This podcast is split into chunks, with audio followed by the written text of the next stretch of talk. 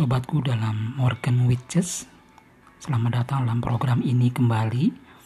Dan weekend ini di minggu Di akhir minggu yang kedua ini Kita akan bersama-sama melanjutkan perenungan kita Yang memasuki cermin ketiga dari pembacaan Mazmur Pasal 104 Mari bersama-sama sebelum kita membaca dan merenungkan firman Tuhan Kita tenangkan diri kita mempersiapkan hati kita dan kita datang kepada Tuhan di dalam saat teduh.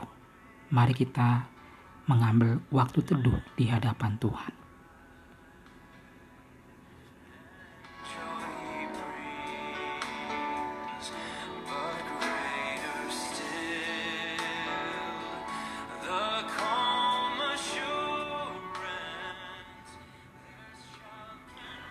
Sobatku dalam Tuhan, seperti yang di awal tadi, saya mengatakan bahwa ini adalah cermin yang terakhir dari pembacaan kita di Mazmur nomor 104 ayat yang ke-19 sampai ayat yang ke-35. Mazmur pasal 104 ayat yang ke-19 sampai ayat yang ke-35. Sobat Morgan Witches di mana pun berada, kalau kita membaca cermin yang terakhir ini, tidak adalah salahnya kita kembali mengingat dan membaca ulang dari Mazmur 104 ayat yang pertama sampai ayat yang ke-18. Saudara yang kasih Tuhan, ada tiga dimensi alam ciptaan yang menggambarkan keagungan Allah sang kalik semesta itu. Yang pertama, dimensi ruang yang menjadi wadah semua makhluk ciptaan hadir menjalani hidup. Yang kedua, dimensi kehidupan itu sendiri, yaitu hidup berasal dari Allah, sumber hidup. Dan yang ketiga, dimensi waktu. Hidup bukan hanya suatu keadaan, tetapi suatu perjalanan. Bagi manusia, hidup memiliki tujuan karena waktu yang dijalaninya tidak berhenti sampai kepada kematian, tetapi diteruskan dalam kekekalan. Manusia diciptakan untuk mencapai tujuannya, yaitu memuliakan Allah. Bagaimana caranya? Caranya adalah dengan mendaya gunakan kehidupan untuk mengelola dan mengembangkan hidup di ruang yang telah diberikan kepada kita. Sobatku Morgan Witches, kalau kita melihat dalam ayat yang pertama sampai ayat yang ke-9, kemudian dilanjutkan ayat ke-10 sampai ayat yang ke-18, kita mendapati bahwa Tujuan atau alasan memuji Tuhan itu karena karya penciptaannya dalam dimensi ruang. Bukan bagian yang ketiga dalam cermin kita ini yaitu ayat yang ke-19 sampai ayat yang ke-30 ini menunjukkan bagaimana kita dalam bagian dimensi waktu ini dan dimensi kehidupan secara khusus pada ciptaan Tuhan. Kalau kita melihat pada puncak penciptaan, kemudian ayat 27 sampai 30 yaitu manusia itu sendiri. Sobatku dalam Tuhan, bagi sebagian makhluk ciptaan Tuhan, dimensi waktu seperti sebuah siklus, lingkaran musim setiap makhluk menjalani kehidupan bersandarkan hukum alam yang mengatur mereka. Namun bagi manusia, siklus musim tidak berarti kehidupan berjalan statis. Dengan dimensi kekekalan, manusia bisa melihat waktu secara linier dan bertujuan.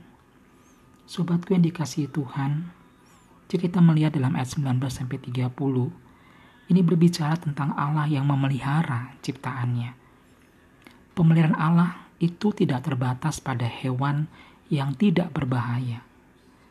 Tetapi juga kalau kita melihat dalam ayat ke-21, Allah juga menunjukkan pemeliharaan dia terhadap hewan-hewan yang buas seperti singa, bahkan dikatakan ayat ke-26, Lewiatan pun dipelihara oleh Allah. Apa itu Lewiatan? Lewiatan itu seperti digambarkan binatang raksasa yang hidup di akhir.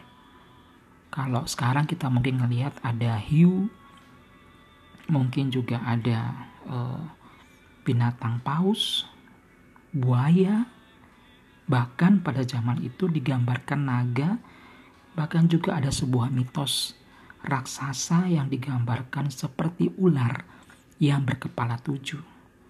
Semuanya walaupun mereka terlihat ganas, berbahaya bagi manusia. Tapi satu hal yang kita boleh sadar bahwa mereka pun binatang-binatang hewan-hewan yang buas ini tunduk dalam pemeliharaan Allah.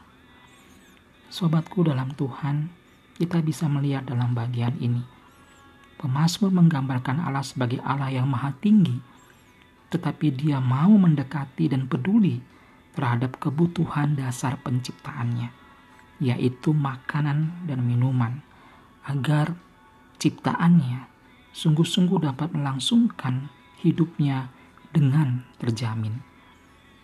Saudara yang kasih Tuhan, kalau kita melihat dalam bagian ini, sungguh unik jika hal ini dikaitkan dengan penghiburan bagi orang percaya yang mana akan melihat lenyapnya orang-orang fasik. Mereka akan mengalami kedahsyatan Allah yang mengerikan bagi orang-orang fasik. Sobatku dalam Tuhan, menghadapi masa-masa sulit seperti ini, tidak heran bahkan juga kita pun secara pribadi mengalami kekhawatiran.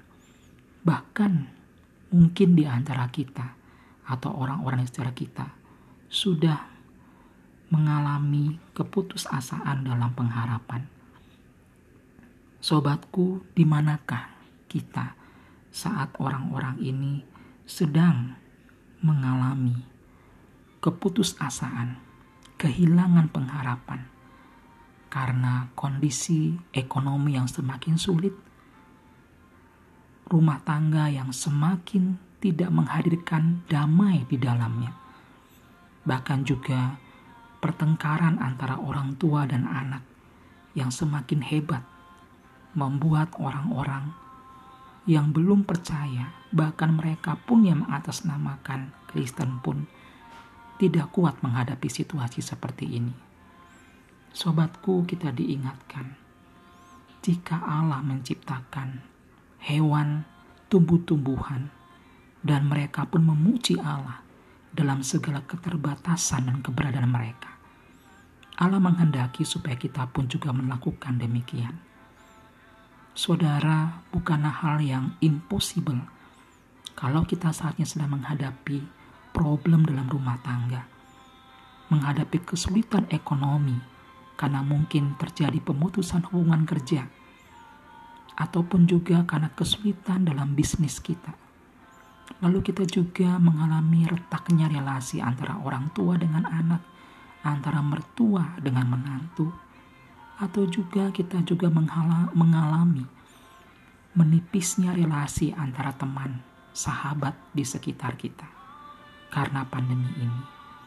Sobatku, ingatlah bahwa Allah tidak pernah meninggalkan bahkan di saat-saat sulit seperti ini.